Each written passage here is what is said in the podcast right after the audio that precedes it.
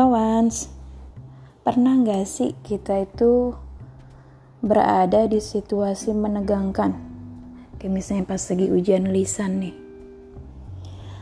Begitu negangin banget yang namanya sakit perut, keluar keringet dingin, kita ngadepin penguji. Aduh ya Allah.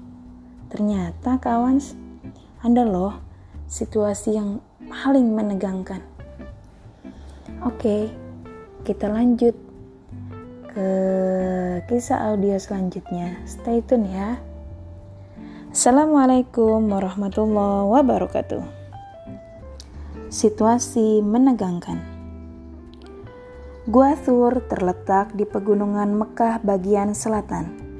Arahnya berlawanan dengan Yastrib.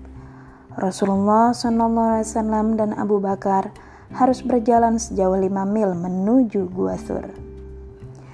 Jalan menuju Gua Thur dipenuhi oleh batu-batu yang tajam. Rasulullah SAW dan Abu Bakar harus bersusah payah untuk melewatinya. Apalagi mereka harus tetap berjalan sambil berjinjit agar tidak meninggalkan jejak.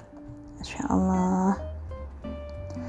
Setelah mendaki tebing yang terjal, akhirnya Rasulullah SAW dan Abu Bakar sampai di Gua Sur. Sebelum Rasulullah SAW masuk gua, Abu Bakar memeriksa gua tersebut. Dia menutup setiap lubang yang ada di dalam gua. Setelah dipastikan aman, barulah Rasulullah SAW dipersilahkan untuk masuk. Rasulullah SAW dan Abu Bakar beristirahat di dalam gua. Lalu Allah taala memerintahkan laba-laba untuk membuat sarang di mulut gua. Allah Subhanahu wa taala juga memerintahkan burung merpati untuk bersarang di sana. Untuk apa sih tujuannya? Tujuannya adalah untuk mengelabui orang-orang Quraisy.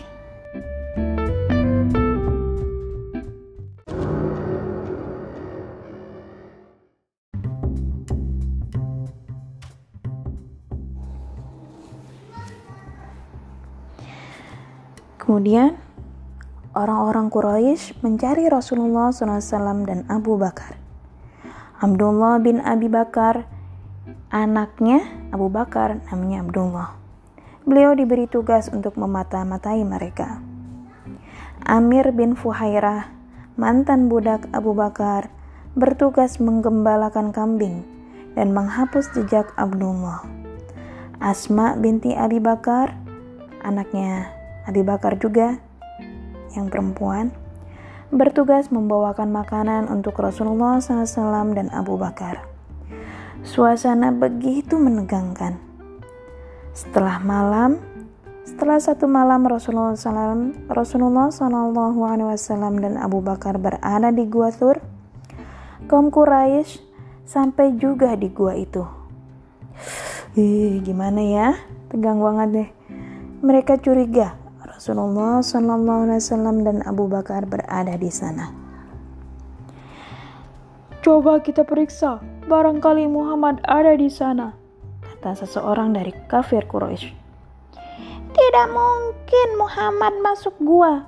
Lihatlah sarang laba-laba dan burung merpati itu. Jika Muhammad masuk gua, sarang itu pasti akan rusak, kata yang lainnya lagi. Masya Allah, di dalam gua Abu Bakar dicekam ketakutan. Dia begitu mengkhawatirkan keselamatan Rasulullah SAW. Tidak henti-hentinya mereka menyebut nama Allah. Ya Allah, ya Allah, ya Allah. Tenanglah wahai Abu Kuhaf Kufaha. Sesungguhnya Allah bersama kita. Kata Rasulullah SAW menenangkan Abu Bakar. Abu Kufaha ini nama lain dari Abu Bakar. Akhirnya orang-orang Quraisy itu pergi. Abu Bakar merasa lega. Masa tiga hari yang menegangkan di Gua Tur berlalu. Abdullah bin Uraik Uraikit datang membawa dua ekor unta. Mereka menyewa Abdullah sebagai penunjuk jalan. Setelah persiapan selesai, mulailah mereka menuju Yastrib melalui jalan pesisir yang jarang dilalui kafilah. Ketika sampai di Astrib, Rasulullah SAW dan Abu Bakar singgah di sebuah tempat. Di manakah tempat itu? Apa pula yang dilakukan Rasulullah SAW di tempat itu? Menurut kawan, apa yang mereka lakukan? Alhamdulillah selesai sudah belajar roh kita. Nanti kita lanjut lagi ya di hari Senin selanjutnya. Wassalamualaikum warahmatullahi wabarakatuh.